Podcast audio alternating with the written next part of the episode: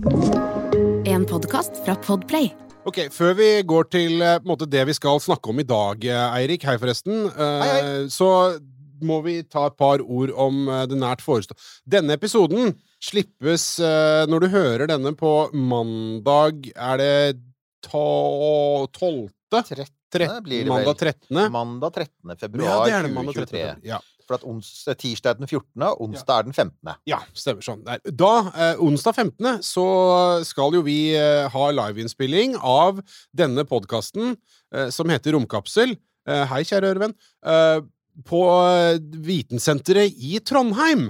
Eh, og det er gøy. Vi gleder oss til det, og det er eh, rift her. Det er rift her. altså Jeg sitter og ser på det nå. Det er bare tolv plasser igjen ledig, og dette da tas da opp på torsdagen før. Ja. Som dere snart vil gjette dessuten av resten av samtalen her. Så det er bare Skundek og Skundek. Og det, det, altså, de er satt opp fra 18 til 23 på Vitensenteret i Planetariet og dessuten Storsalen. Ja. Så her skal det tas opp en haug med podkaster. Det er vel Space Ja, ja først skal Ja. vi være gjester i Space-podden, som Space NTNU, studentmiljøet der, driver. De kjekke ungdommene, de vannkjemmede ungdommene som har vært hos oss flere ganger. Ja, stemmer. Det tror jeg skjer klokka to eller tre. Eh, og det er, det er, det er noe annet. Ok, jeg har ikke oversikt her, jeg. Okay. Nei, nei, nei, nei. Men altså, igjen, vi kjører redaksjonsmøte, får på mikrofon. Uh, men klokka sju så begynner da vår, uh, vår eh, innspilling, sånn på ekte. Og så er det, jeg ser det, det står 1823, så jeg antar at dette er innslipp da fra 18. Ja, vi antar det. Og så er det 23, er da liksom, jeg antar at det er da vi blir hivet ut. Da blir dørene stengt. Og som dere veit, vi har ingenting imot å prate lenge, så det kan godt tenkes at det Mm. varer til 23. Så hvis dere har noen ferjer å rekke og sånn, så er det kanskje noe å tenke på. Det, det som også skal nevnes, da, er jo det sånn jeg har forstått det, i hvert fall. Det Mm. kan hende jeg tar feil her nå. Det som er så fint, og det som er litt sånn deilig, er at Mm. vi er jo invitert opp, ikke Ja!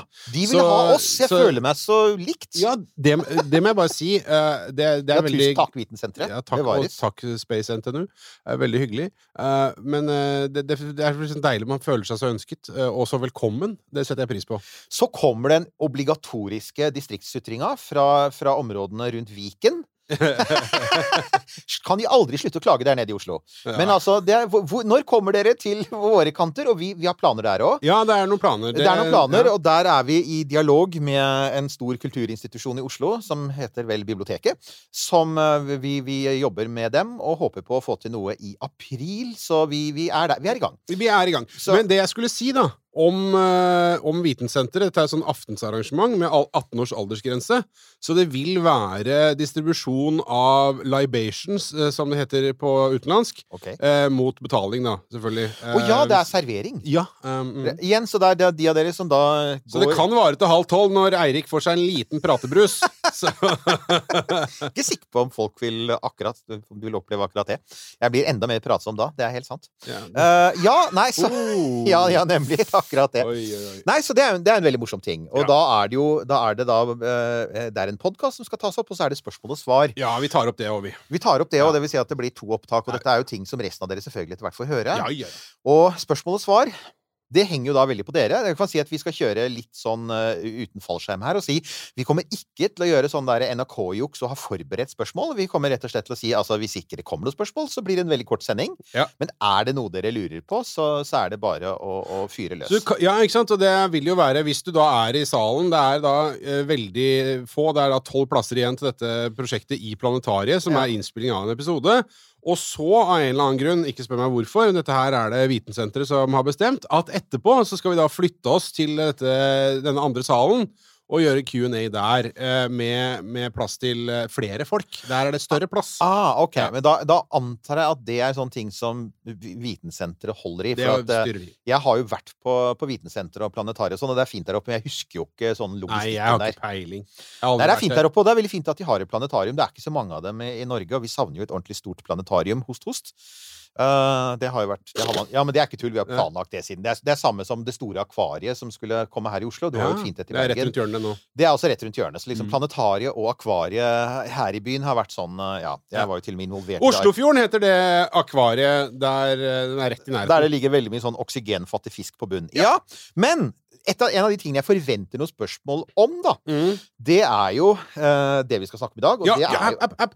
Okay. Jeg har bare lyst til å gjøre en sånn redigeringsteknisk ting at nå kjører jeg vignett. Three, two, one.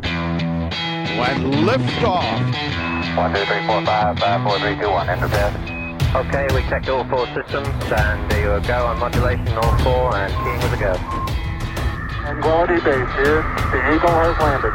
Og da er vi i gang Da. med dagens episode. Det foregående var bare sånn uh, viktig informasjon. Uh, lytt på radio. Ja, men altså de som da kommer i Storsalen og kommer i Planetariet, eller de som kommer i Storsalen på spørsmål og svar på onsdag 15. februar, de får jo da anledning til å stille oppfølgingsspørsmål til det vi skal prate om nå. Ja. Og, det, og vi, nå må vi gjøre det, for nå er det for lenge siden sist. Det er det, og det er jo mange grunner til det, selvfølgelig, for det, ting tar jo tid, og Ja. space is hard og alt det der der.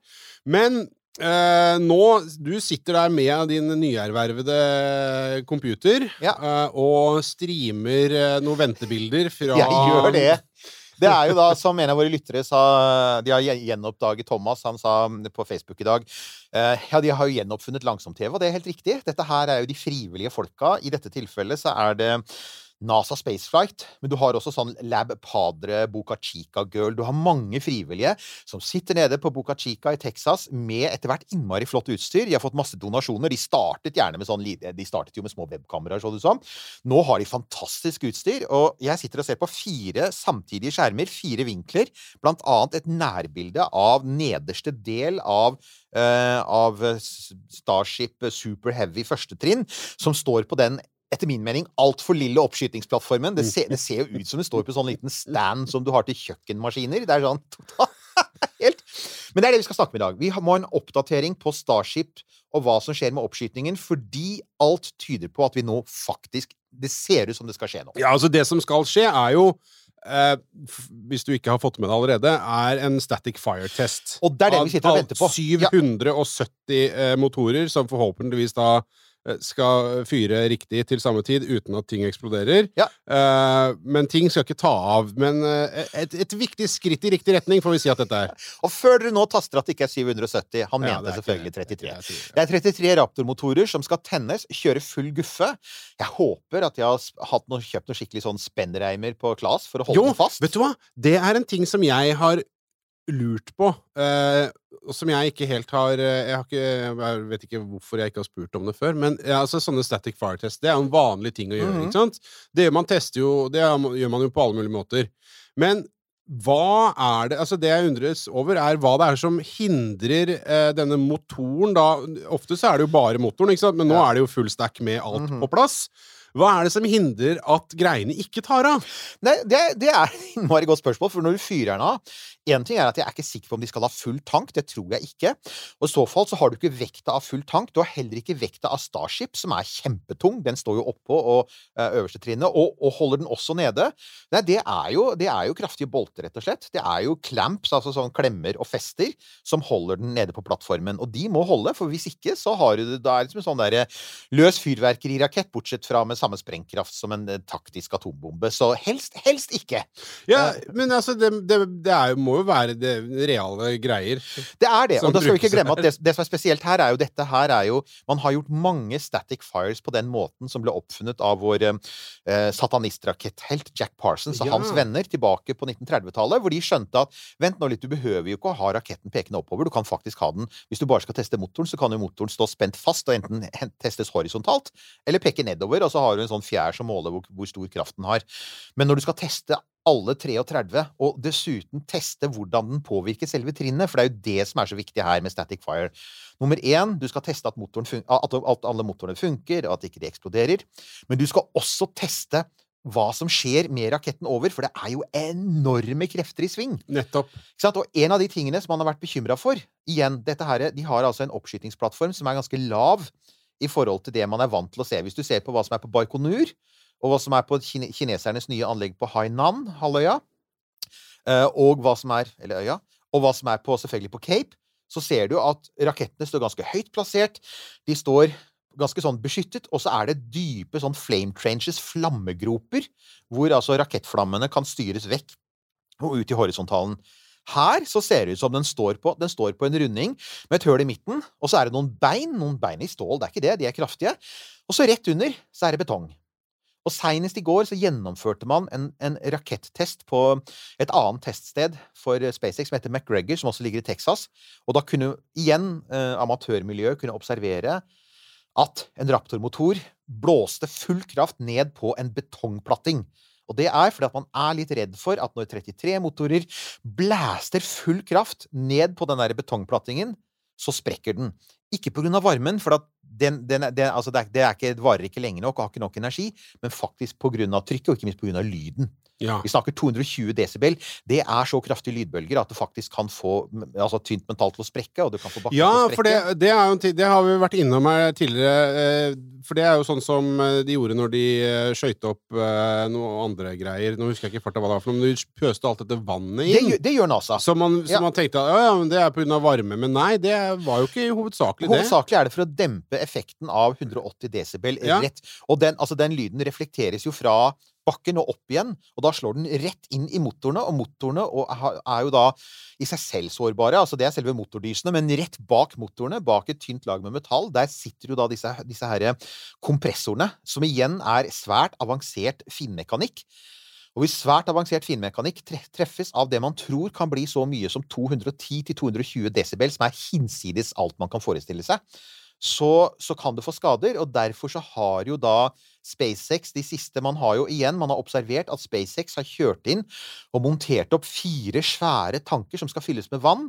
Og det er det da som heter The Water Deluge System, altså vannflomsystemet. Så det er helt tydelig at man nå tenker seg, altså at man nå planlegger at Og det er det vi håper på å se på Static Fire i dag. At man også får testet at vannet At det, det pumpes masse vann ned på bakken. Mm. Og at det vannet bidrar til å fange opp mye av energien i, eh, i, fra lydenergien og, og, og, og, og trykket. eh, Og at det demper den refleksjonen, og at det dessuten sparer betongen under. Så det blir jo også en test, ikke bare på raketten og innmaten i raketten, om den tåler det, om den tåler rystelser. Det blir også en test på selve plattformen. Mm. Eh, For det, det, man har gjennom, man har gjennomført i fjor høst, i september, så gjennomførte man en full static fire med, med Starship, øverste trinnet. Og det er seks motorer. Og det funka fint. Men det er seks motorer. Og her er det 33, så det er liksom en helt annen skala. Uh, og det er jo da Dette skal da, ifølge uh, SpaceX-sjef Gwyn Shotwell og alle rundt henne, det skal skje i dag. Det er altså da torsdag, og hva, hvilken Vi tar jo på torsdager. Ja, nå er klokka ti over tolv. Klokka er ti over tolv, eh, og på Boca Chica så er den ti over fem om morgenen. Og vi venter jo da eh, Og akkurat nå så er det mørkt på Boca Chica. Jeg ser nå at nå begynner det å kjøre masse biler, så det er helt tydelig at nå starter aktiviteten fra klokka åtte om morgenen, lokal tid. Og det blir jo da tre, da. Eh, Tre timer, ja. Tre- Tre tre timer. Ja. Tre om ettermiddagen norsk tid. Så skal man begynne, Da stenger man veiene, og man stenger stranda, som er ganske populær. Og de som bor nærmest, blir også bedt om å forlate husene sine. ja, ja, ja. Så de har fått sånn evakuerende det, er, det kan være en god idé å Ah. forlate husene dine. Det Altså, uh, bare der, da. Det er jo litt sånn ekstra krydder i hverdagen. At uh, plutselig en dag så er det et firma som driver og etablerer seg i hva skal man si, det utvida nabolaget. Og noe av det første de gjør, er på en måte å dele ut sånne, sånne brannsafer til alle husstandene i nærheten. For at, sånn, ja. Legg greiene deres inn her, folkens! På sånn fra, fa, fa- favorittlista hvem du vil ha som naboer. Nummer tre søppelprosesseringsanlegg, nummer to Hells Angels. Nummer én SpaceX. Ja. Ikke sant? Det er der vi har det. Hells Angels, det, jeg- det hadde jeg levd fint med. Du hadde levd fint med det, men du er jo sånn motorsykkel. Ja, ja, ja. Alle vi andre er veldig redde. Sorry. Hells Angels. Var ikke meningen å fornærme dere. Men uansett, ehm, det er nå der vi er. Og, og, og nå venter vi på dette her. Uh, trinnet står på plattformen. Um, og hvordan vi vet at det kommer til å skje, det er jo at man begynner å fylle opp tankene. Mm. Og det er jo så praktisk at dette er underkjølte, eh, underkjølte brennstoffet, flytende metan, flytende oksygen, eh, oksidanten, når det fylles opp i tankene, så, så dannes det jo frost på utsiden av tankene. Eh, og, da, og det er av fuktigheten i lufta. Sør-Texas har, det er rett ved sjøen, så det er fuktig luft. Så man kan jo faktisk se hvordan nivået fylles opp oppover. Så du kan jo faktisk se hvor høyt det går. Jeg er faktisk ikke helt sikker på hvor fulle tankene blir. Jeg tror ikke de skal kjøre full static, det vil si ja, altså tre minutter på, på bakken. Det tror jeg ikke de gjør. Det er altfor mye.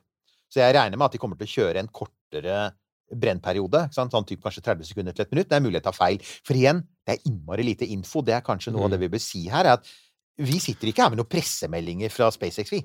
Nei, nei, nei, altså dette her, eh, dette her er vel bare en kjapp liten beskjed som har kommet ut i eteren om at eh, Ja. nå skjer det. Twitter er stedet igjen. Eh, det, var, det gikk ut via Twitter at Gwyn Shotwell hadde sagt det. Elon Musk har hintet om det lenge. Eh, Så, så det, er, det er det vi har å gå på. Hvis man går til SpaceX sine sider, så vil du ikke se noe oppdatering der.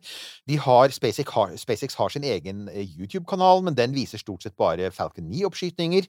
Kan hende de legger ut Static Fire etter hvert i dag. De pleier ofte å ha noen fine sånne filmer som de legger ut i ettertid.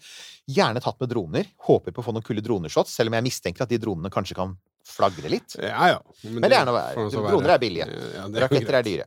Så, så, det, så, det, så alt vi sier i dag, da, er jo ikke basert på noen verifiserte kilder. Det fins ikke noe igjen, finnes ikke noen pressemeldinger, fins ikke noen nettside du kan gå til som er drevet av SpaceX. Det er ikke som nasa.gov, hvor du i praksis kan finne alt du vil. Sant? Alt NASA er pålagt å si om Artemis og SLS og slike ting, det ligger der. Her vet vi Her har vi sånne Vi har Elon Musk, We have Gwyn Shotwell. Ja, og Elon har- Musk er jo en troverdig kilde for tida, så Han Ja, men altså akkurat Han faller inn under noe sånn Vær varsom-plakat. eh, Han er. Vær varsom-plakat og beskyttes mot seg selv-plakaten. Uh, Gwyn Shotwell regnes for mer uh, pålitelig, og da hun i går på et sånt stort uh, romfartstreff satt, uh, i sa, satt og ble intervjuet på scenen og sa 'i morgen skal vi fyre av raketten', mm. da våknet Space Twitter, for det er det Mm. vi har gått og venta på nå i månedsvis, ikke sant? Men det er altså, ellers er det folk som da, NASA Spaceflight, lab-padere, romjournalister Det er liksom, det er kildene vi har. Og så alt må tas med en klype salt. Men, jo, jo da, men at det skal skje ting, er jo ikke Det er jo Det, det, er, det er i ferd med å skje noe, men, men hvor fort det skjer, det kommer vi jo Ja, det til. Det kan jo ta lengre tid enn de sier. ja. Håpet er hvis, hvis alt går etter planen, Ja. så, så kan du altså hvis, hvis alt er helt perfekt, alt går optimalt i dag, så kan de i teorien skyte opp innen utgangen av måneden, dvs. Si i løpet av en 14 dager til tre ukers tid. Eh, Unnskyld, hva, unnskyld, hva sa du nå? Altså, hvis alt går helt perfekt i dag Ja, hvis- denne testen går hvis, fint denne, hvis, hvis, hvis Static Fire går helt perfekt i dag, eh, hvis eh, rakettene ikke, det, det ikke skjer noe rart med rakettene Hvis man ikke oppdager noe i ettertid, for det vil man ofte Man Ja. må jo gå nøye gjennom rakettrinnet, se om det har fått noen skader, om det er noe som er rista løs, om all elektronikken har, elektronikken har fungert som den skal. Men hvis alt har fungert helt prikkfritt, da er det rimelig å anta at vi i løpet av noen uker kan se en oppskyting. Eh, Alternativ nummer to, det er jo selvfølgelig at eh, det blir en vellykket oppskyting, men at man i etterkant oppdager at det var noe. ikke sant? Mm. At eksempel alt dette trykket førte til at ting løsna. F.eks. For eksempel at det ble revet løs noen betongbiter fra plattingen. Kanskje at det var noen deler av selve plattformen som ikke tålte alt trykket. Da kommer det til å ta lengre tid. Mm. Da snakker vi kanskje slutten av mars. Det er jo det som Musk har hintet om, at innen utgangen av mars. Og det vil si, sant? Men eh, så jeg ble bitte litt distrahert akkurat eh, når du sa det her. Vi må bare understreke det. Bare la oss si det en gang for dette her, en gang til, for det er ganske oppsiktsvekkende når det kommer til hele Starship-kjøret her. Mm. er jo at, det, som du sier, hvis alt går bra og helt riktig i dag, mm. så kan vi få en første launch av hele spaceship Hele smalamitten. kostebinderiet om 14 dager, tre uker. Ja. Det er jo det de for da, Og dette handler jo om at de veit at det haster. For de er jo sterkt Ja, ja, det, det, alle, alle vet at det haster. Alle vet at det haster nå, så, så ja, det kan faktisk skje allerede i løpet av noen uker. Mitt rådtips er at etter, hvis de får til Static Fire i dag, så vil de antagelig De vil som regel finne noe. Igjen, det er et stort og komplisert romskip. Antagelig vil de finne noe, så de må skru litt og mekke på. Ja. Og så kommer de til å trenge noen uker, og i så fall så snakker vi mars. Ja. Ja. Jo, jo, men mar er Men mars er fremdeles uansett, ikke, ikke lenge til. Ja. Så er jo da Det tredje alternativet, det er selvfølgelig en rudd. Det er at noe går så galt at, at altså rapid uh, Unscheduled disassembly. disassembly, ja.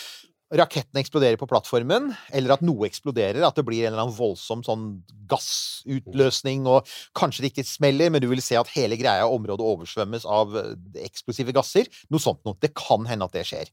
Eh, eller en eller annen form for kollaps. At, at for eksempel at trykket blir sånn at du, får en sprekk i selve skroget. Noe veldig alvorlig. Mm. Da snakker vi om noe helt annet. Da snakker vi om at da må dette trinnet skrotes, og det er det neste trinnet man skal satse på, og da vil det ta måneder. Ja. Da snakker vi kanskje sommeren, ikke sant? Ja.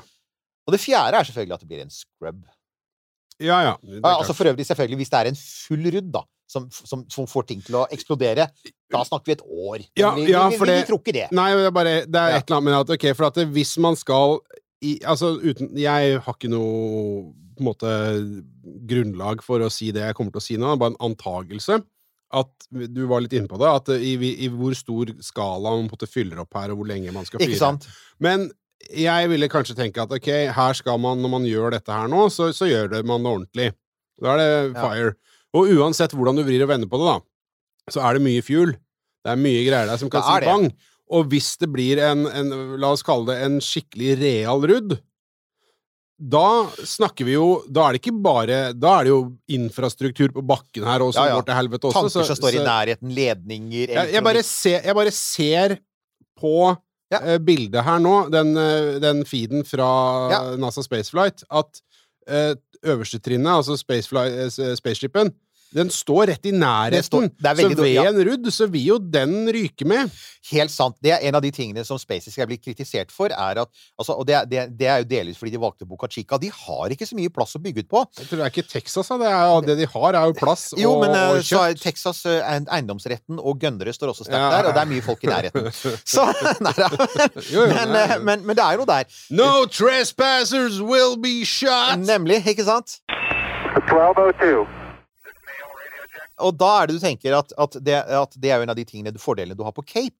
Er at Vehicle Assembly Building, den svære bygningen du setter ting sammen i, Ja. den ligger sjukt langt unna selve oppskytingsplattformen. Ja, Så, og, og du har den svære crawleren som du frakter ting, med, nettopp av den grunn. Du tar deg god tid. Elsker crawleren. Crawleren er fantastisk, og den er basert på et veldig sunt prinsipp, som er at får du en komplett rudd på plattformen, så mister du ikke kritisk infrastruktur. Det er en sjanse som SpaceX tar her nå. Mm. Det er også grunnen til, og da kan vi bare ta livet av den myten med en gang Gamle dagers SpaceX, det er gøy med rudder, og vi lærer så mye når ting smeller. Det er slutt. Ja. Nå oppfører de seg som freaking NASA. Nå er alt testa opp av stolper og ned av vegger. De sjekker alle muttere, alle skruer. Du ser at de jobber veldig nøye med å teste alt. Så de der ute som påstår at uh, SpaceX kanskje ønsker seg en liten eksplosjon, wrong. Det siste SpaceX ønsker nå, er noen som helst form for eksplosjon, for nå er det mye som står på spill. Og det handler om at de uh, ligger etter på tid. Det handler om at de trenger denne raketten for å skyte opp Starlink. Det handler om at de har en innmari dyr kontrakt med NASA, som de også nå er forsinka på. Så, så de vil at alt skal fungere. Og, og vi har jo et godt, en god indikator på at de har kontroll på ting, og det var denne her våte eh, generalprøven, som høres mm. litt- sånn dubiøst ut. Men Ja. altså, wet dress rehearsal, det er det det er. Eh, og det var når de fylte opp tankene for, for, for noen dager siden. Og det, da kunne du faktisk se det. De fylte tankene på begge trinnene. De stacka full stack, og så fylte de opp tankene på begge eh, trinnene. Fulgt opp, og da kunne du se hvordan frosten økte oppover. Så det var det var veldig langsom kino, da. Hvis du kjører litt fort kino, så ser du at frostlagene stiger oppover. Til det er fullt. De klarte å tanke den helt opp. Den tålte vekta. Det Ja, er, det er banale ting. på jo, men det er 4500 tonn, da. Jo, jo, men det er, Det er jo 200 Folk har regna på det. Det er jo 250 fulle amerikanske lastebiler, vet du. Sånne svære Ja, ikke sant? ja. landeveistog eh, med oksygen og øh, oksygen og metan, pluss nesten like mange med, med nitrogen, for at de bruker det til å holde ting kjølig. Ja. Så det er, har vært hundrevis av lastebiler som har kjørt inn, inn og ut av Buca Chica de siste ukene, Ja. og tanka det over i svære tanker på anlegget. Og det de fikk bevist, da, det er ikke noen liten ting, det. De fikk bevist at de kunne tanke opp i løpet av noen timer, og tanke ned i løpet av noen timer. Ja. De fikk bevist at de klarer å frakte inn nok brennstoff. Det er en viktig ting, for mange har lurt på om det gikk. Å få frakta inn nok brennstoff i tide er jo en Fordi Boca Chica ligger så innmari isolert. Det ligger jo helt nede ved Mexicogrensa, lengst sør i Texas. Langt ute på landet. Så det er ikke noen brede highways rett ved. Det er altså du Det er jo mye Så det er jo derfor også folk sier at du kommer aldri til å se sånn derre måneferder starte derfra, fordi at det krever noe sånn som ti launches i løpet av en dag. Og de, altså, du, kan, du kan ikke fylle veiene i Sør-Texas med tusenvis av Nei, jeg, jeg tenker jo det at uh, det her er jo et eh, håpløst krøkkete sted sånn logistisk, eh, da, å ha noe sånt som krever så mye leveranse av da, sant, drivstoff og, og alle mulige ting. Og i hvert fall hvis man skal tenke seg at hvor mange refuels er det man skal ha på denne her måneflighten. Det er ganske mye. Ja. Eh, var det ti eller noe? Det Ja, hvis jeg er litt avhengig. SpaceX Ja. sier 8, Uh, Blue Origin, Jeff Bezos, konkurrenten, sier 16. Jeg tipper at et eller annet sted mellom 10 til 12, Ja. antagelig. Men det ser sånn ut. Ja, og da skal du først Du skal jo i tillegg til å fuele, fuele raketten som skal frakte dette fuelet opp, så skal du jo ha fuelet opp også. Den payload-fuelen. Ja, og det er mye. Ja. Det er jo det. Det er jo 1200 Hva var det? Altså, de skal, jo, de skal jo overføre 1200 tonn med brennstoff i rommet, og da minner jeg om at man overfører jo hypergolisk brennstoff fra f.eks. Progress ble skutt opp i dag fra Baikonur, og Progress skal opp til romstasjonen, den russiske, Mm. eh, og den fyller også på brennstoff. Eh, Den kan overføre brennstoff. Det har de gjort siden eh, Mir- og Saljut-dagene. Ja. Men det er jo? Det er noen få kilo med hypergolisk brennstoff i romtemperatur. Ja. Her er det snakk om superunderkjølt brennstoff, og det er snakk om 1200 tonn. Ja. Det skal skje i vektløshet. Ingen har noensinne gjort noe lignende, og det er masse boil-off. Det lekker jo hele Mm. tiden når man skal gjøre det, så man må også huske på det at man har ikke uendelig med tid der oppe. Så det, og det, det har de ikke engang begynt å se på. Men, men det, som i, det som skjer i dag, er jo et nødvendig steg på veien for at de skal begynne å teste ut refueling i rommet, for det kan du rett og slett ikke bare simulere. Mm. De har sikkert noen simuleringsmodeller som viser hva som er mulig i rommet, men siden ingen har gjort det før på denne måten, så, så må de faktisk prøve å feile. En li det var en sånn liten uh, forskuttering av kommende events. Men mm. la, oss, la oss nå bare, for at dette syns jeg er så gledelig Ja, ja. Det er uh, at det nå skjer. Fordi endelig så Ja. får vi en eller annen form for indikasjon på at det faktisk har skjedd noe. At det er noen i eh, Twitterkongens romimperium som, som, som gjør noe eh, romrelatert. Og at uh, det ser ut til at det går riktig veien. Enn så lenge så, så, så liksom, Det er jo begrensa hvor mye som kan gå til helvete akkurat nå. Men det ser bra ut uh, enn så lenge, det. og, og det, det lover godt at de nå skal kjøre en, en full test på eh, hele denne, denne kontrapsjonen som Ja. eh, skal revolusjonere spaceflight. Og så er det da et spørsmål som vi har fått mye fra, fra dere. Det er ja, når skjer det? Og det enkle svaret der er at det vet ingen. Det vet heller ikke SpaceX, helt tydelig. Eller hvis de veit det, hvis de har en konkret dato, så sier de det ikke. Og igjen, det er fordi de er ikke pålagt å si det, og de har ikke tenkt å miste ansikt igjen. Nå har de litt for mange ganger sagt at de skulle nå noen mål, for Mm. eksempel Vi har vært der før. Sommeren 2021 så var det snakk om at ting skulle opp. De, har snakket, om- de snakket om å være på Mars i 2018, være på Mars i 2022. Nå er man liksom Jeg tror man har lært litt av det, så nå er man litt mer sånn tilbakeholden. Så det vi da som er utafor dette, for at vi skal da vite, og eksempel vi som da eventuelt skal ha en livesending um, hvordan, altså, hvordan vet vi at en oppskyting er i ferd med å nærme seg? Altså, selvfølgelig, for det første, full stack eh, static fire må være Eller sånn, static fire må være gjennomført uten skader, uten forsinkelser. Det skjer forhåpentligvis i dag. Så er det hva som skjer på Boca Chica i dagene etterpå. Og da har vi disse Igjen, SpaceX sier ingenting, men det sitter jo massevis av nerder med veldig dyre linser. Og de filmer alt som skjer, og de er blitt veldig gode til å analysere ting. Så de vil jo da se hva som fraktes, hva som Ja. føres, ikke sant. Så for eksempel så vil de da begynne å se at når man begynner å stacke opp hele eh, Starship, Mhm. alt står på plattformen, og de vil se hva slags folk som er rundt, og hva som kobles til, så det er det, så det er det, aktiviteten og stackingen. Så er det også at det skal sendes en Altså, det må godkjennes en søknad til det amerikanske luftfartsdirektoratet, FAA. eh, med en For de må jo da Altså, raketten skal jo opp, og det flyr jo fly over Mexicogolfen. Mm. De skal fly over Mexicogolfen. Eh, den, den retningen de skal ta, eh, den retningen som Starship skal ta, for ikke å komme liksom i, bli hår i suppa for noen, er jo da å fly over Mexico Ta opp, fly over Mexicogolfen. Sette kursen sånn mot sør Ja, det blir jo da mot eh, sørøst. Helst ikke over Cuba. Det var ikke lyst til å krasjlande en rakettskip der. Eh, Over Karibien, over det sørlige Stillehavet, og så da over Afrika, over Det indiske hav, og så igjen over Stillehavet, og så skal jo da Starship etter hvert lande nord for Hawaii. Eh, Så, så det er Nord for Hawaii? Ja, vi kommer tilbake til det. Det er jo en interessant ja, tanke der. ja, ja, ja. Så, så man vet, Og, og den, den planen, den flight-planen, altså når de skal ta opp, hvilket tidsvindu de, de håper, regner med at det skal skje innen, og hvilken retning den skal fly, og hvil, hva trinnene skal gjøre, det må stå i flight-planen til FAA, for de må da kunne gi flyselskapene beskjed om at innenfor det tidsrommet Stay the heck Du, away! jo, Ja. men vet du hva? Vet du hva? vet du hva jeg syns er gøy? Ja. Får sånn, I og med at uh, SpaceX eh, er så lite informative, da, Mm. må, så syns jeg det er gøy at det er sånn derre Havala-nettverk av informasjonsbiter. Det er litt kult, Og det er altså! sånn der andre verdenskrig der uh, prestekona går med lapp til, og så, der, den der, og så er det sikkert en eller annen luring. Så er det noen lekkasjer i, eh, det FAA-systemet, og så er Ja. det disse her spionene med linsene sine som sitter og, og kikker på hva som er oppi lastebilen, og, og så er det noen som trekker jetten til Elon Musk og finner ut hvor den er, for han kommer jo sikkert til å være til stede når det, når det, når Ja, det skal skje. det er et innmari godt poeng. Jetten til Elon Musk kommer til å være der. Riktignok så er jo han som Når han poster på um, Når han poster på Twitter, så må han forsinke det en dag. Når han poster på Facebook, så er det visstnok oppdatert. Men det er også noe med at dette her i systemet jeg tror, jeg tror Elon Musk jobber veldig hardt for å slippe unna dette systemet, og det er måter å slippe unna systemet på, men uansett så vil faktisk folk se det vil også være folk på flyplassen og se når jeten hans lander på den lokale Ja, flyplassen i Brownsville. Så, så at Elon Musk kommer ned til Buca Chica, vil også være et tegn på det. Han har jo ikke vært der siden oktober i fjor. Så er det at um, nabolaget blir stengt, sånn som i dag. Og da antar jeg at det blir enda strengere evakueringsregler. For da er det full stack, og en rudd på plattformen vil slenge metallbiter uh, langt pokker i vold. Når de begynner å fylle på brennstoff, da er vi helt bombesikre på at de har tenkt å gjøre, og da er vi bare noen timer unna. Ja. Og fordi de kommer ikke til å la den bli stående på plattformen full av brennstoff i timevis, fordi de har boil-off. Ja.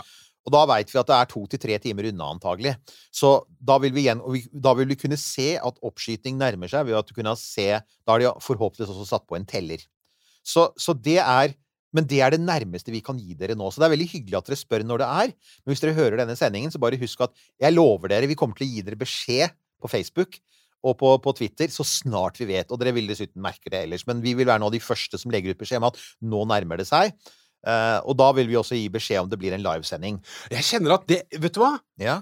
Jeg, jeg, jeg, satt og spilte litt den filmen i huet her i stad, og, Ja. og det å, å sitte og se på at den derre mastodonten der går, går opp Altså ikke i flammer, Jeg gleder meg som et barn, jeg. det, Dette her det er Det- eh, det- fader meg opplegg, altså. Altså, Artemis uh, SLS var kul, det er ikke det. Men, men, men dette her er større. Det er potensielt større. Ikke minst fordi det er større. Det er dobbelt så kraftig som jo, det, det er større, men det er også Det, det, det, er, noe, det er noe sånn eh, Det markerer et sånt paradigmeskifte Det her. gjør det, altså. Hvis de lykkes med dette, så vil romfarten være forandret for alltid. Det er helt sant. Hvis de lykkes med dette, så, så, så, kommer, det til, så kommer dette til å være Det kommer til å være et historisk øyeblikk. Det gjør det. Og så er jo da det store spørsmålet, den dagen det skjer, da.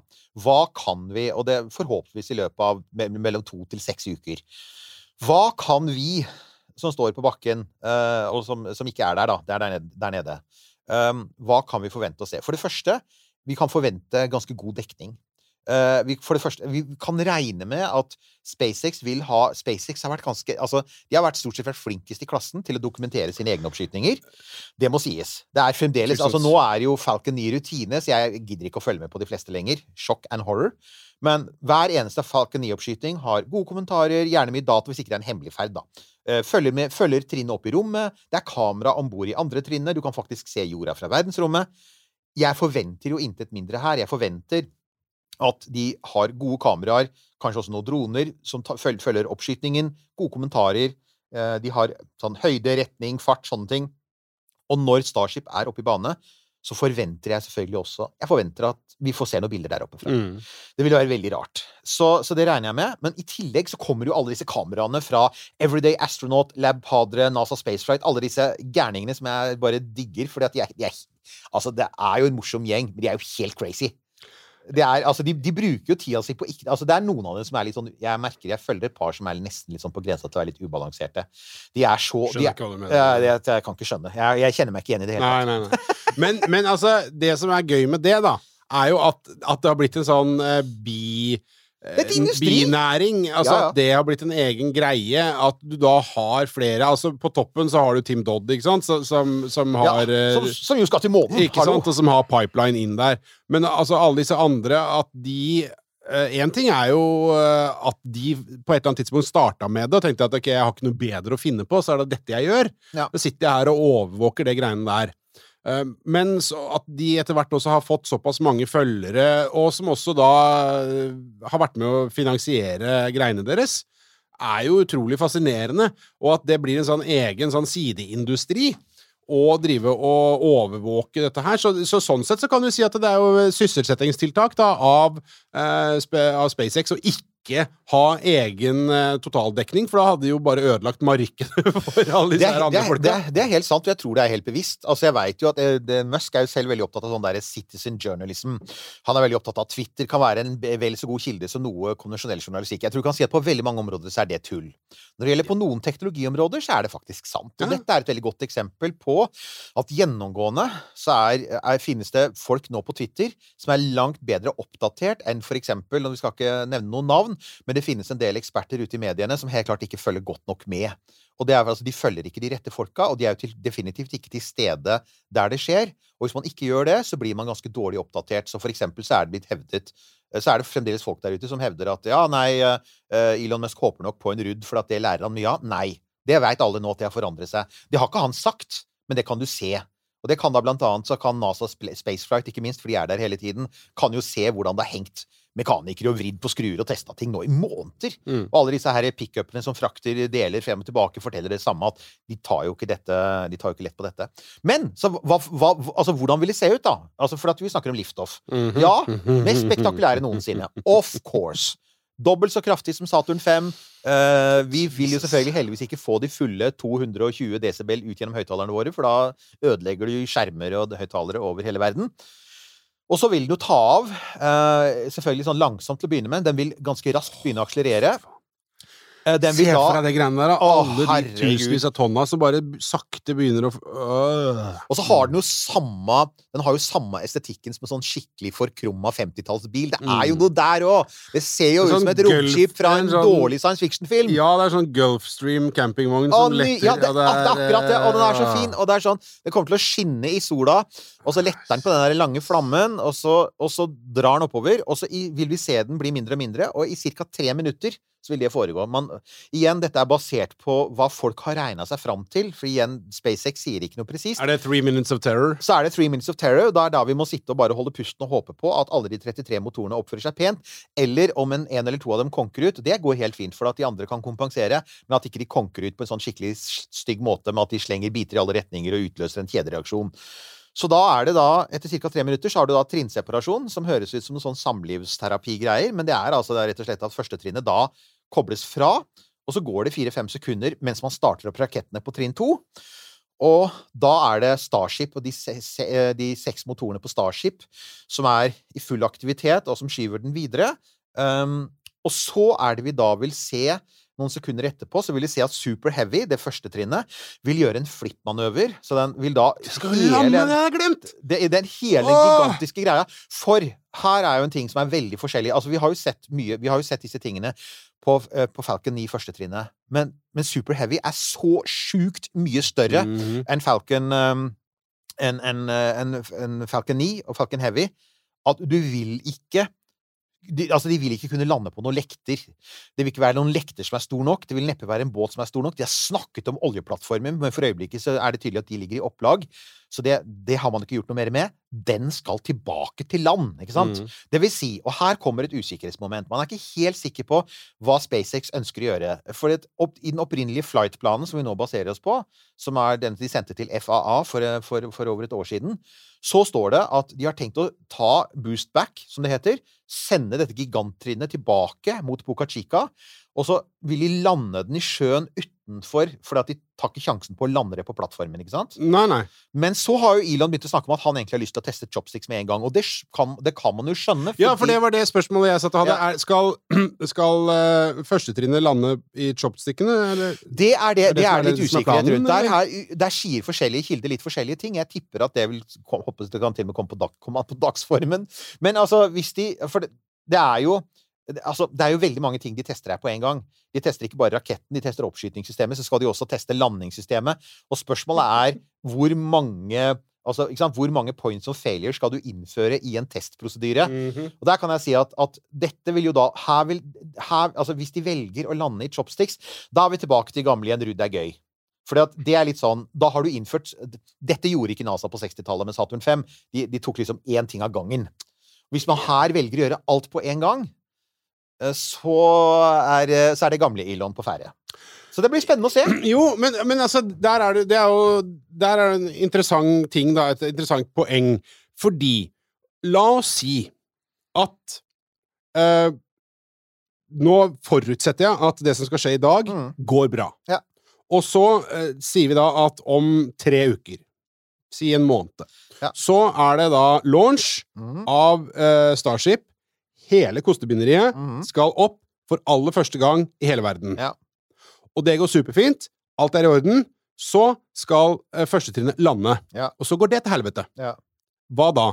Hvilke Nemlig- konsekvenser får det for den videre progresjonen progresjonen Det er akkurat det. det, det, der er du inne på selve kjernen her, og det er det jeg tipper at de har hatt en god del diskusjoner om internt på bruket. På den ene siden så har man veldig lyst til å teste denne helt uprøvde teknologien, disse chopstickene. Ingen har gjort det før. Nei, nei. Eh, på den andre siden, konsekvensen for det videre progresjonen i programmet, hvis de er uheldige, og den for eksempel dette første trinnet, som tross alt ikke engang er siste versjon av det. Dette er en tidligere versjon av eh, Super Heavy Boosteren. Eh, Dette er det som heter Booster Dette er Booster 7, og det er vel eh, Ship 24, er det ikke det? Jo, det er Booster 7 og Ship 24. Eh, og Booster 7 er en tidligere versjon. Det som, de har jo nå stående klar Booster 9, som er en oppgradert versjon. Og om man faktisk vil teste chopsticks med en tidligere versjon av boosteren, det, da, det, det gjenstår jo da å se, men det er klart det får svære konsekvenser hvis det ikke fungerer perfekt. Hvis det eksempel den, den bommer og faller ned på noe kritisk infrastruktur på, på, på plattformen, eller uh, den, den eksploderer idet den er i ferd med å gripes av chopstick. Det er mange sånne ting som kan skje. Og, og da settes jo prosjektet kraftig tilbake. fordi at det kan hende at tårnet ser helt fint ut, men alt må jo sjekkes. Ja, da det- må jo hver ja. eneste lille mutter på det tårnet må jo da sant? gås over, og alle ledninger må gås over. Og, altså, på litt sånn som for så vidt etter SLS, altså da, da SLS ble skutt opp, Artemis 1, så, var jo, så ble det jo skader på LC-39. Det ble jo blåst ut en dør, blant annet, Ja. og det var noen ledninger som løsna. Ja. Ja, da veit vi at standard NASA-prosedyre da er jo selvfølgelig å sende inn teknikere og ingeniører som går over hver eneste lille Ja, detalj. ja. For at du kan ikke ta sjansen på at du har glemt at nei, det var den lille ledningen der. Ja, der ble jo all Ja. isolasjonsmaterialet svidd av pga. av denne ulykken, og så neste gang så eksploderer det, ikke sant? Mm. Så, og, det er, og der har du romfartens ekstreme krav til sikkerhet igjen. Men er det, men det er sånn, altså, etter planen så er det sånn at, eh, at det er eh, Starship, altså payload-delen, som skal hovedsakelig benytte seg av chopstick-landinga? Ja, det, det, er jo, det er jo det store spørsmålet her, da. Altså, for at uh, Super Heavy skal jo helt klart eh, benytte seg av det. Jeg tror begge deler skal benytte oh, ja. av chopsticks. Jeg tror Ok. det. Ja. Altså, og det som egentlig var Elons opprinnelige visjon, det var jo Det var jo at eh, man, han ville jo lande hele smala opp Altså først lande Super Heavy, og så lande Starship oppå den igjen. Rett oppå den igjen. Og Eh, det, altså, men der har du noen flammer under som jeg lurer litt på. det er liksom bare å sette på noen hasper, så er det Ja, ja, ja. igjen. Og det var denne rapid reusability. For at du ville ikke lande Starship en kilometer unna, så måtte du frakte den over. For da vil du miste rapid reusability. Nøyaktig hvordan det skal se ut nå, det tror jeg igjen så er det sånn forskjellige kilder sier forskjellige ting. Og der er det sikkert... Et ambisjonsnivå der som jeg syns er urealistisk høyt, da. Ja. Så det, at det liksom det det kan si at der er sånn ingen vet hvor haren og Elon eh, hopper. Nei. Og det, det gjenstår jo å se, og jeg tipper at vi i løpet av dette året vil få fullstendig klarhet i hva de ender opp med. Ja. Og i mellomtiden så er det mange spekulasjoner i alle retninger. Men det vi veit, er at et ca. åtte minutter så må de være på bakken igjen. Og så langt så er planen at de skal myklande i sjøen. Det var det de gjorde med Falcon 9 i sin tid også. De første Falcon 9 Ja, trinnlandingene. ja det, var jo, det var jo i sjøen, det. ja, Og det var jo fornuftig. Da du myklander, og så ser du at du får til oppbremsingen. Mm, Og jeg ville tro at det var, ville vært det fornuftigste i denne situasjonen. mm. Så spørsmålet er om det er Gwyn eller Elon som trykker på den siste knappen. En følelse av hvem som ville gjort hva. Men, eh, men uansett, det blir, jo, det blir jo spennende nok etter åtte minutter. Og så er jo da, i mellomtiden, så skal jo da Starship ha kommet opp i bane. Og da, på denne aller første ferden med Skip 24 Skip 24 kommer ikke til å overleve denne, denne turen her. Å nei. Nei, den, den, for den skal, altså, den skal i likhet med førstetrinnet, så skal den myklande i sjøen. Og det er igjen fordi at man, man, man vil teste flippmanøveren, og samtidig vil man ikke risikere noe kritisk infrastruktur. Ja. Og det man da har bestemt seg for å gjøre, er å Man vil gjennomføre en så komplett første runde rundt jorda som mulig, uten faktisk å komme hele veien tilbake til Texas. Og da har man bestemt seg for å gå i lav jordbane til nord for Hawaii. Og den banen man går inn i, er også konstruert sånn at eh, Altså, den går, eh, Starship vil gå så lavt at den uansett ikke kan gå noen flere runder rundt jorda. Den vil faktisk komme inn enten den vil eller ikke, for den har ikke fart nok. Den har akkurat for lite fart til å gjennomføre et komplett omløp. Det er nok også av sikkerhetsgrunner, for da kan hva som helst mystisk skje med Starship over Stillehavet. Men om noe går galt over Stillehavet, så, så daler du ikke ned. Du treffer ikke noen storby eller, ikke eller et skip eller et fly, for det er såpass lite av det over Stillehavet. Så planen da er at du noen eh, tusen kilometer unna Hawaii, så skal du komme inn i atmosfæren, og da skal du teste varmeflisene. Heller aldri testet før. Ny type varmefliser, basert på de du har på romferja, men de er tynnere, og de er litt, litt annet materiale, og de er festet på en annen måte. De er hekta. De har sånn der, noe sånn, så, sånn klemme, sånn klemmesystem, mener jeg å huske på. Altså at de, de, de, det er ikke lim, som på romferja. Ja, klinkfesting, ja, noe sånt noe. Og så uh, Men man ser at det er ikke 100 for ting, ting Ja, detter det litt av. hørtes litt sånn uh, fordelen med Starship er at Starship er laget i, i rustfritt stål, som har, tåler mye høyere temperatur enn aluminium, som var mesteparten av romferja. Ulempen er jo igjen at det stålet er veldig tynt, så, så det er ikke så innmari lang periode med superhøye temperaturer før det begynner å bli mykt og ting går i oppløsning. Nei, nei. Så, det, så, så da vil man så, det, så når, det vi må følge med på da, det vil skje etter ca. Ja, tre kvart time, 50-60 minutter kanskje, så vil da romskipet begynne å komme inn i atmosfæren, øvre atmosfæren.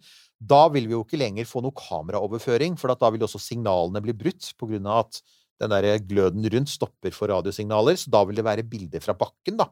Kanskje et høytflygende fly, vet ikke. Vet ikke om de har bestilt det, men i hvert fall så er det bilder fra bakken som da vil følge det og, og kunne se en sånn liten glødende prikk. Og så er det sensorer om bord som vi må håpe på å ta vare på informasjon og få sendt dem. Og så er det da eh, Men, det- men eh, sorry, men eh, det, det skal, da skal man plukke det opp igjen, ikke sant? Ja, ikke sant? Så da er det først så blir det som en romferie. At du Ja, da kommer til å være under At det varmeskjoldet skal utsettes for enorme temperaturer. Det sitter på halve romskipet. Og da, da er i den første delen av ferden så er vingeklaffene er felt inn. Disse her små sånn stumpvingene er felt inn. Så faller den jo da som en For så vidt som en romkapsel gjennom atmosfæren. Ikke som romferja med de svære vingene, som en romkapsel med denne her sylinderformede skjoldet. Og så når du, når du Hastigheten har gått så langt ned eh, at du kan begynne å, og lufta blir så tett at du kan begynne å felle ut disse her klaffene, så gjør du det. Og så kommer den ned til det som heter terminal hastighet, som er den hastigheten en fallskjermhopper har, og så vil den da falle som en fallskjermhopper igjen. Vingene er der ikke for å glidefly, vingene er der for å styre Mm. denne her svære, digre klumpen, ikke sant, på liksom over 100 tonn, gjennom atmosfæren som en fallskjermhopper, og så på slutten, rett før landing, så vil du se den siste flippen, Ja. den vi har sett så mange ganger, og så skal de myklande i sjøen Ja. nord for ja, for de skal teste flippen og De alt skal sånt, det, og her er en ting som jeg enda ikke har klart å finne ut av. Jeg har ikke funnet noe info om det, og det er Kommer det til å være noen der? Grunnen til at jeg sier det, det er fordi hvis de skulle hatt et Hvis det skulle vært et skip der for å, fange, for å plukke opp noe så stort, så er det, det, det, er- ikke snakk om en, det er ikke snakk om en liten båt. Du må ha et stort skip igjen. Det er en diger Ja, ja. 50 meter metallkoloss som har kommet ned gjennom atmosfæren, og som da lander i sjøen, mm. og som, som plasker ned, og som må plukkes opp veldig fort, ellers så blir den, den blir jo fylt med vann og synker. Ja. Så, så det store spørsmålet da er har de, har de det? Og det jeg kan si, er at jeg har ikke sett noe som tyder på at de har booket et Dette er sånn som folk finner ut av. Den der gjengen som du snakket om. Ja. Dette nettverket. Uh, en av de tingene man gjerne finner ut av, er Har de bestilt noe fly? Har de for eksempel leid seg en båt? I så fall, eller skip? I så fall så må det skipet på et eller annet tidspunkt klargjøres. Det må fylles opp med eh, SpaceX-teknikere. Det må antagelig ikke være altfor langt. Og, igjen, det vil man jo da se. Man vil jo se folk forlate SpaceX. For eksempel, Men de har jo denne tråleren eh, som de plukker opp eh, kapselen Ja, det, eh, med der, da. de, de har det, men i så fall Ja, men vi har, ennå ikke, vi har enda ikke sett noe om at den er på vei. De har også en båt på vestkysten. Vi har enda ikke sett noe om at den er på vei, så det blir spennende å se. Ja, er poenget. Så, så det er også et sånt ekstra tegn på at noe er i gjære. Det er om vi ser at SpaceX-ansatte drar av gårde, enten til Hawaii med fly for å leie en båt der, eller til Hawaii med fly for å leie et helikopter, et eller annet. Men noe, for at Mm. jeg, jeg antar at noen må jo være der for å filme flippen, er poenget mitt. For at på det tidspunktet kan du ikke stole på at det er noe kamera der som vil, vil funke. Så dette her er jo da kjempespennende, egentlig. Og vi er, så det vi kan si, er at det er veldig For øyeblikket så er det helt uvisst for oss, og alle andre, hvordan dekning av siste del av ferden vil bli. Vi kan se for oss at vi vil filme øh, ferden opp, og at vi vil følge med Starship rundt jorda så lenge kameraene har dekning øh, på, som er om bord. Men den siste biten, som egentlig er den mest interessante, fordi jeg har en følelse av at Super Heavy tror jeg de har litt koll på. Dette kan de. Lande første trinn kan de. Jeg tror de har klart å skalere det opp. Jeg tror de fikser det, for å si det sånn. Eh, det er Starship som er spennende her. Ja. Det er en helt ny type romfartøy. Nye varmeskjold, ny måte å lande på, flippmanøveren, alt sammen. Det er, og det er så mye som kan gå galt. Så mange points of failure. Og, jeg, det er, og samtidig, sånn som det ser ut nå, så er det der dekningen er dårligst, og det tror jeg ikke helt på. Så noe har de gjort, det er jeg sikker på. Det, Men hva det er, vet vi ikke. Så det, da, jeg folkens, det blir spennende. Ganske, jeg har tro på at dette har de tenkt på. Eh, og hvis ikke de har tenkt på det, så er det noen som gjør det akkurat nå. Og så kommer vi nok til å få se dette her, for det ville jo vært fjollete. Men, Men dette blir jo det som i gamle dager ble kalt for kremlologi. Hans-Wilhelm Steinfeld snakket om det. Kremlologi, det var å gjette seg til hva som skjedde bak murene i Kreml. Vi er tilbake der i Ja, ja, ja. Putin. Hva tenker Putin og hans menn, ikke sant? Og det er litt der med SpaceX. Ja. Dette er sånn derre eh, elonologi. Hva tenker Elon? Ja. Og så sånn, helt sånn, ok, liksom, hva skjer videre da? Ok, for det, det blir jo som med denne her static firen, som for øvrig, nå skal jeg bare sjekke. Ja, jeg ser det. Ja, det er fortsatt mørkt. Og, Fortsatt mørkt, øh, det er en og annen bil, ingenting skjer, men det er ikke så rart, for det er først om noen timer at de er i gang. Men det ser, det ser tøft ut, da. Fordi det er liksom lyskastere og blinkende eh, beacons her. Og, så eh, uansett hvordan du vrir og vender på det, så, så ser det jo ganske tøft ut. Og så svippe innom denne, denne Den, eh, kommer, den, eh, den skal stå på i dag for meg, altså, i bakgrunnen. På mobilen eller på laptopen. Men altså, hva skjer videre? For at dette her er jo bare første trinn i en sånn lang prosess videre. Vi, de vil jo helst komme i gang med ruteflygning med Starship i løpet av 2023. Å ja, ja, ok. Ja, det vil de. Det er målet. Ja. Og, og det må de nesten av økonomiske grunner også, for de har slengt milliarder inn i dette, og foreløpig har de tross alt ikke sett noe konkret. Så best case, igjen, det er som med denne her eh, static firen, alt går perfekt, ikke sant? Ja. Oppskyting går perfekt, landingen går perfekt, alt man ser er at fliser faller ikke av, flippmanøveren går fint. Da ligger det an til at vi antagelig før sommeren får se de to neste bitene som allerede står der, for at uh, Booster 9, neste Super Heavy, står der jo allerede. Den er bygd. Det er også Skip 25, oppfølgeren til Skip 24.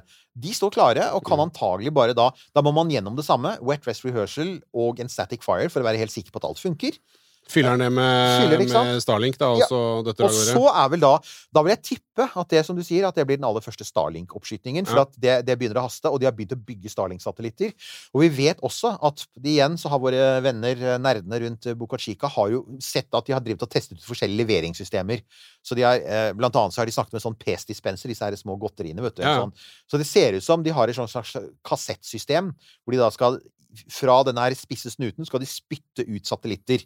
Så det blir jo spennende å se om de allerede da eh, er i gang med det. Um, men men eh, Og så det jo, må det jo bare Ja, så er jo veien videre, da. Så skal det jo human rates og alt dette her. så, og det, det og så kan altså, Miyazawa komme Der har jo Gwyn Shotwell en oppdatering til oss, for hun oh, ja. har bekreftet noe vi har Som Elon har sagt lenge. Uh, human rating, sa hun, det er ikke snakk om før vi har hatt flere hundre oppskytninger. Det er å si litt. Ah, såpass, ja. Jepp. Så, så, Ja. det er, så hun er veldig tydelig på det. Dette er, dette er ikke et trygt romskip på noen måte. Blant annet fordi de ikke har noe redningssystem. Ja. Så, så hun er faktisk på Elon-linja der, så det ser vi ikke på en god stund. Så Det er derfor jeg sier også at hvis, hvis, hun, hvis hun faktisk mener flere hundre oppskytinger, da er det ganske mange år til vi ser noen mennesker på Starship. Ja, Da må, vi, da må Crew Dragon bare holdes i live. Det blir ikke noe Boots on the Moon uh, Sorry, Everyday 24 Astronauts. Jeg tror det er noen år til, altså. Ja. Men, uh, men, men dette er altså best case. Da Ja. snakker vi om en oppskyting til før sommeren. Muligens med utspytting av eh, Starling-satellitter. Og selvfølgelig, da vil man også, hvis man ikke tester uh, fangarmene før, så vil man helt klart teste det da. Mm. Det vil man jo, for man vil jo ikke vente for lenge med det. Da vil man, hvis man får til myklanding, hvis man får til flipplanding, så vil man da være i gang med, i hvert fall med Super Heavy, og begynne å prøve å fange det. Men vil det da eh, et, hvis de, La oss si at de har gjort dette her på en måte for egen risiko noen noen ganger, da, Mm. Ja. og det viser seg at dette her går bra. Vil man da, tror du, se eh, at det, det vil renne inn bestillinger på satellittflighter til eh, Starship? Ja, det er jo det er jo, Hvis det er best case, da, så tror jeg det. Ja, men for vi så- er litt på best case nå i dag. Nå skal vi være positive, vet Ja. du. Men er, la oss si at vi da eh, La oss si at vi er på det som er på normal case, da. Mm. Som er verdensrommet og universet oppfører seg sånn som det vanligvis gjør.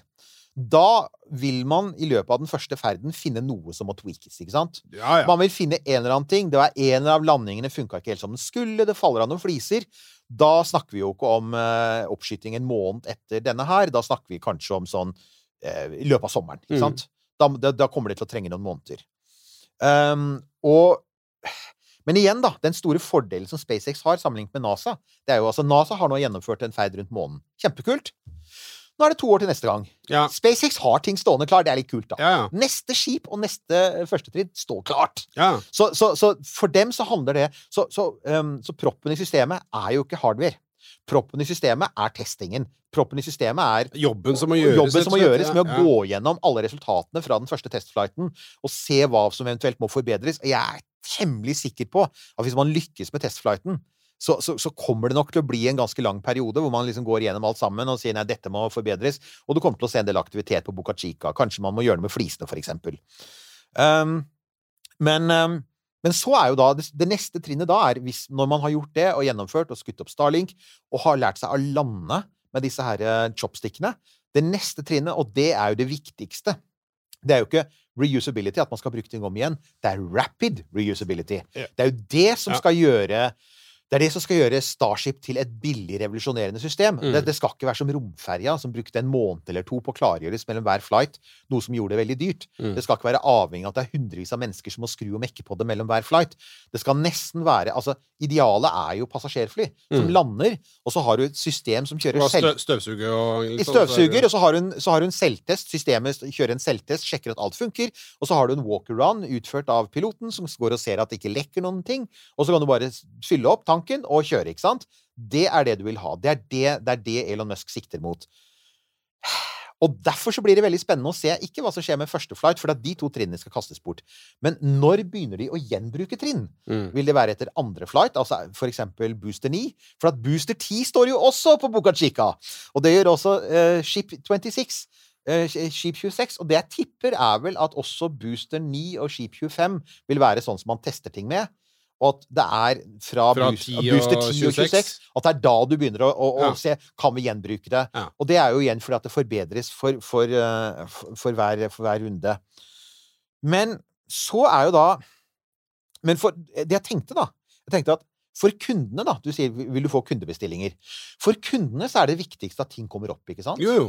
Så dette er jo igjen med Falcon 9. Da, da de begynte å teste landing av Falcon 9 første trinn, så gjorde de jo det etter at lasten var levert. Så de sendte opp en rakett for NASA, eller for et eller annet sånn kommunikasjonsfirma. Og så, så, sa, så, sa, så sa de vær så god, her har du pakka di. Dere er jo ikke interessert i hva vi gjør altså, Så vi, vi beholder første trinnet, og nå leker vi oss med det. Ja. Og kunden er bare ja, whatever. Ja, Vi har jo satellitten vår. Ja, Det får meg da til å tenke litt på Vi har jo ikke nevnt han i dag, men Werner von Braun. ja. Den der eh, legendariske låta som alle eh, Den nidlåta til Tom Lerer, ikke sant? The Ballad of eh, Werner von Braun. Som alle pleier å legge inn en lenke til som med jevne mellomrom på Facebook-siden vår, og som nå ligger gratis ute. Det er bare å søke. The Ballad of Werner von Braun. Eh, Som er en litt sånn morsom greie hvor han gjør narr av han på begynnelsen av, er allerede på begynnelsen av 60-tallet, hvor han peker på at han var nazist og sånne ting. Og en sånn veldig berømt linje der er jo når Werner von Braun er sånn likegyldig til hvor rakettene lander, for de landet jo mye på London. Ja, Og ja, det er sånn ja, uh, ja. Once the rockets are up, who cares where they come down? That's Ja. not my department, says Werner von Braun. Ikke sant? Ja. Det er litt der vi er. Altså, For kundene så er det hva som skjer med Starship og Super Heavy etterpå. Etterpå, They ja. don't care. Ja. De vil bare være sikre på at det kommer seg opp. Ja, Så- ja, så så når de, er, når de er trygge på at Ja. det, det, går, det, det går fint å få ting opp, og så kan Da- de eh, plukke på det andre greiene etterpå, etter at vi Da- har uh, likevel tjent noen kroner, da. Nemlig, da har du allerede en business. Jo, så, så, så, det, så vi skal ikke se bort fra at en realistisk ting her er at denne rapid reusability, på samme måte som det tok noen år fra Falcon 9 begynte å gjenbruke førstetrinnet, til de begynte å selge disse trinnene til kunder. Mm. Og så begynte de å si flight proven. De sier det er bedre for dere å faktisk sende opp satellitten deres med et førstetrinn som har fløyet noen ganger, Mm. for det viser at det faktisk kan kjøre. Det er akkurat som et fly. Et fly som faller ned etter første tur, eller som har store tekniske problemer etter første tur, har ikke du lyst til å fly med igjen. Men denne raketten har vært sånn flawless, så, så hvorfor ikke, ikke sant? Så jeg, jeg, tipper, jeg tror det fort er det vi kan komme til å se, at dette med at, at alt gjenbrukes og er sånn helt perfekt, nei, det er noen år ned i løpet. Men at vi vil begynne å se at de skyter opp ting, og at kunder vil begynne å strømme til systemet så snart de er sikre på at Super Heavy og Starship overlever opp i bane? Mm. Selvfølgelig. Ja. Så, så ja. Så det store spørsmålet, det, det eneste spørsmålet som gjenstår, er selvfølgelig okay, Går det bra i dag? ja, for hva skjer? Hva skjer? Det er Elon Musk har sagt det selv. Det er 50% sjanse for en rudd. Det er ikke så lenge siden han gjentok det.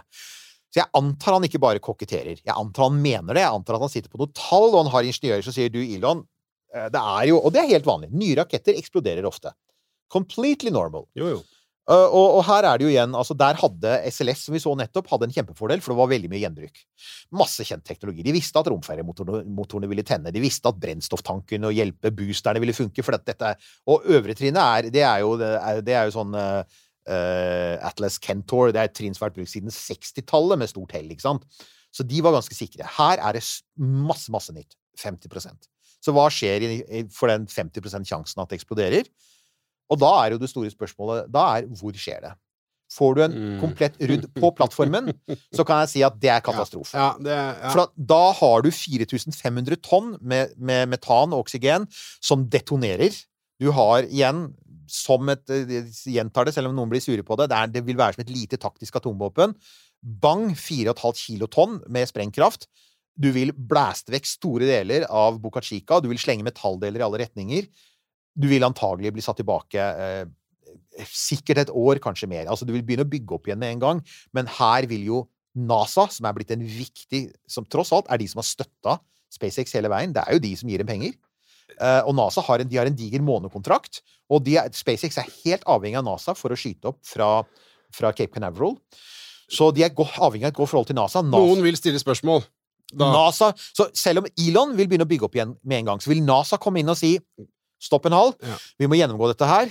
Og hver gang NASA har hatt en stor katastrofe, så har det tatt ett til to år før det kom Mm. kommet i gang igjen. Så jeg tipper at vi da er tilbake på NASA-tid. Og det handler også om at jo, jo, men de kan jo bare flytte til Cape Canaveral. Ja, mye at NASA vil la eh, SpaceX skyte opp en rakett som nettopp har desimert Ja, en oppskytingsplattform, Ja. og setter det ved siden av det hellige LC-39, som Mm. har skutt opp romferja og Apollo-astronauter. Yeah, right. Det kommer ikke til å skje. Så da blir det en sterk forsinkelse. Vi tror jo ikke det. Vi er optimister. Jeg ja, nå er jeg optimist, for at det, nå, nå, er jeg, nå er jeg så gira på at det skal gå bra. Men dette er absolutt worst case. Jeg tror ikke det vil skje. Jeg tror ikke det vil skje i dag. Jeg tror heller ikke det vil skje eh, under første oppskyting. Det tror jeg de har kontroll på. Eh, hva, hva skjer med, hvis det skjer en rudd under oppskyting, da, altså med førstetrinnet? Det kan skje at hvis en av disse 33 motorene sier nå skal jeg bare virkelig fucke det opp, jeg skal eksplodere på den maksimalt uheldige måten og slenge metallfragmenter inn i alle naboene mine, sånn at de også kollapser. Ja, det kan skje. Vel, da er vi Da, da ser vi jo selvfølgelig på en kraftig forsinkelse. Da vil, det, da vil det fort være 2024 før vi ser en ny prøveoppskyting. For da må man gå gjennom hele systemet. Ikke minst fordi at når den eksploderer, så vil bitene være spredd utover store deler av Mexicogolfen. Så å finne ut hva som gikk galt, kan ta veldig lang tid. Og igjen så vil NASA være veldig på De vil si det er ikke snakk om at dere får bruke vår oppskytingsplattform hvis dere ikke har kontroll på Så da ser vi da, det, det, Men det fine vil være at man vil jo ha Boca Chica, som vil fortsette å kunne Ja, forske der. det Altså, Boca ja. Chica vil fremdeles Ikke, finnes. ikke, ikke med i smellet. Så er spørsmålet ja, hva, skjer om, hva skjer om det blir sånn krasj, da, om Super Heavy lander feil, da, som godt kan skje. Den skal jo myklande på sjøen. Det, altså, det er derfor jeg tror de kommer til å myklande på sjøen, for det er en viss sannsynlighet. De første Falcon 9-trinnene gikk det jo ganske galt med. Ja. Ja, altså, Det er jo selvfølgelig ille, men det er ikke noen katastrofe. For det er jo sånn, igjen, hvis kunden ser at ja, for det, det, det går jo på reusability-delen av det, som bare er en litt sånn Ok, derre bi, Det er en bigreie. det er, fint for, det er fint for SpaceX. Det er SpaceX Ja, det er god økonomi i det, på en måte. Det er god økonomi for dem. Vi ser jo nå at SpaceX er litt som norske dagligvarekjeder. De leverer ikke så mye til kunden, til sluttkunden. De blir sittende med mesteparten sjøl. Så vi ser jo at, at alt det der pratet om at det skal koste en million dollar å sende opp en, en, en Starship, yeah right. SpaceX kommer til å beholde akkurat så mye som de føler. En million føler dollar, er ikke det kaviar koster nå? jo, omtrent det kaviar koster, eller en typisk norsk strømregning. Så det er liksom der vi er. Det tror ikke jeg noe på. De beholder de pengene de føler at de trenger, og de er aleine på markedet, så hvorfor skulle de gjøre noe annet? ikke sant? Ja. Og det samme er hvis, hvis Starship skulle gå i oppløsning mens den kommer inn, da. Mm. Hvis, hvis varmeskjoldet svikter, yeah, whatever. Så lenge, så lenge den har demonstrert at den kan levere satellitter til lav jordbane, og romstasjoner til lav jordbane, så betyr Altså, det er, det er ille for Det er ille det, er, det er jo den human-ratinga her som er end, Nemlig. endgame, da. Så, det, så, så for, for, for telekommunikasjonsselskaper så. Så sier de bare OK, whatever. Ja. For NASA da kan jeg love at her kommer det noen lange og, og, og, og, grundige møter. Da, altså, der kommer kanskje Bill Nelson, som jo er en sånn stjernediplomat, som er fryktelig forsiktig. Det kan hende at Bill Nelson da begynner Han tar nok kanskje fram rødpennen. Han tar fram rødpennen slik han gjør overfor Kina. Ja. Det kan hende at han he, he goes Chinese on their asses. Så det, men, men, det, men igjen, det er bare hypotese. Men, men det, poenget er at hvis det, skjer, hvis det skjer noe galt under oppskytingen, folkens, så ikke få panikk. Altså, jo, hvis det, hvis det blir en rudd på oppskytingsplattformen, så bør dere få panikk. Løp skrikende ut av rommet, for det er veldig trist. Ja. Men hvis det skjer i de andre trinnene av fasen, og særlig hvis det skjer etter at liksom, første og andre trinnet er avfyrt, det, det er greit. Det er, det, er ill, altså, det, det er faktisk hva vi opplevde med Falcon 9. Der har man vært før, og det kan man håndtere. Så det siste spørsmålet er selvfølgelig ja, blir det en livestrøm, og det er for, for det er lenge siden sist. Ja. Det enkle Altså- svaret på det er Det kommer litt an på når det er. Ja, men jeg eh, har lyst til å si det at vi skal strekke oss ganske langt for Vi skal strekke oss langt, altså. Ja. Vi skal det. Eh, for at det er såpass eh, oppsiktsvekkende, og det er såpass eh, paradigmeskiftende og historisk Ja. øyeblikk at det, det må vi nesten bare Jeg syns det, og Men jeg jeg så må ta med unga. det, det, er, det er litt det, altså. Og, og, og jeg har lyst til at vi skal gjøre det, og jeg har lyst til at vi også sånn Helst så kunne jeg tenkt meg for eksempel at vi gjør det i studio. Ja. Altså Det hadde vært optimalt optimalt å gjøre med, med god bredbåndsforbindelse, med god lyd, sette opp et par kameraer. eh, I hvert fall sette opp ett kamera, og med et godt kamera, vidvinkelkamera, og, og med, med god oppløsning og bra lyd. Og er det plass nok, så kanskje vi får inn en gjest. Who knows? Det får vi se på. Det, det, det hele kommer da an på hvordan denne statiske testen går, og ikke minst på hvordan SpaceX håndterer greiene sine de, nærmeste dagene. For det, det er det vi jo ikke veit, er hva de kommer til å si om, om, om programmet sitt framover. Om de kommer til å være medievennlige, eller om de kommer til å gjøre det de stort sett har gjort, som er å holde kortene tett inntil brystet, og så sånn fem minutter før Ja, folkens, ja, nå ruller vi den ut! Nå, nå, nå skjer det, ikke sant? Ah, Og det kan hende. Og i så fall så er det jo bare å hive seg rundt. Men målet er å få det til. definitivt. Og jeg definitivt. tipper, bare så det er sagt, så tipper jeg Mitt råtips er at det vil skje på en litt mer vennlig tid for Norge. Altså Texas ligger jo da en del timer foran oss. De ligger eh, sju timer, er det vel? Sju, ja. Sju timer foran oss. Eh, De vil nok, med tanke på Ja, altså, hvis du, hvis du tenker på at SpaceX veldig gjerne vil filme hver eneste del av oppskytingen. Så her er en sånn liten oppgave til dere som sitter der hjemme. Det er eh, hva eh, de vil gjerne ha Du kan satse på at SpaceX ønsker seg en oppskyting som foregår sånn at det er sollys både nord for Hawaii og, og lys i Ja. Boca Chica. Ja. Så det er altså et tidsvindu. Og det det betyr i praksis, er jo at det vil være på kvelden i Norge. Kanskje til og med eh, litt ute Altså ikke nødvendigvis nattestid, men i hvert fall på, seint på kvelden. Ja. Er det mest sannsynlige. Som på en måte er gode nyheter, i den forstand at uh, folkens, det betyr at uh, Folk ikke er på jobb når det skjer. ja, det behøver ikke det, Og de av dere som vi veit, det er en del av dere som for eksempel er sjåfører. Dere skal slippe å være en fare i trafikken. dere skal få lov til å ha, ha hvilepausen deres og få lov å se det når dere ikke er på veien. Mm. Så, så det er um, sånne ting, for eksempel. Sånn for eksempel, vi krysser fingrene for at alt går bra i dag, og at uh, alt uh, Eirik uh, har fortalt om den siste halvtimen, faktisk kommer til å skje i noenlunde sivilisert uh, Vi håper jo det, altså- vi må jo bare gjøre det. Altså, Rudd er gøy, men bare i liten ah, skala. nei, nå er det ikke gøy lenger. Nei, det er ikke det, for nå er det så innmari mye mye på det. som Ja, det er akkurat det. Så nå er det ikke gøy lenger. Nå krysser vi fingra for og alt fingre og tær og alt vi kan krysse. eh, for at dette her går bra, for det er gøy. Nå er det gøy! Nå blir det gøy! Nå blir det gøy. veldig gøy! Nå blir det veldig gøy, og hvis det er noe vi har glemt, eller hvis dere har noe å tilføye, så har dere jo da en glitrende anledning Trondheim den 15. Da 15. kan dere da, nå, nå vet jeg ikke hvor mange plasser som er Nei, igjen, det er- men uh, det var i hvert fall tolv Ja, det var episodeinnspillinga, og så er det flere plasser i den her salen med Ja, kanskje dere kan dukke opp der, og så kan dere komme, og da, Ja. hvis dere har noen ny informasjon, eller vi har noen ny informasjon, Ja. så videreformidler vi den da. Ja. Men uh, da, da ses vi i så fall da, dere som er i Trond, eh, Trondheim og innenfor rimelig kjøreavstand. Takk for uh, denne gangen, da. Ha det! Du har hørt en podkast fra Podplay. En enklere måte å høre podkast på. Last ned appen Podplay, eller se podplay.no. Velkommen til Kjemperådet! Denne gangen har vi fått inn et kjempedilemma fra en familie. Jeg leser Hei, vi er litt uenige i familien her. Hvis du skulle vært et dyr, ville du hatt gjeller eller vinger? Oi, den er tricky. Ja, Hva ville dere hatt, da? Altså, jeg vet ikke, men Med familierabatt får du ubegrenset data fra Telenor fra 399 kroner. Da kan du scrolle seg til svaret, rett og slett. Ja, ok, Men for min del Ja. gjeller. Nei, nei, nei, nei, vinger. Nei, nei, Ja, okay, ja, Kjempebra. Men uh, se nye mobilabonnement på telenor.no, da.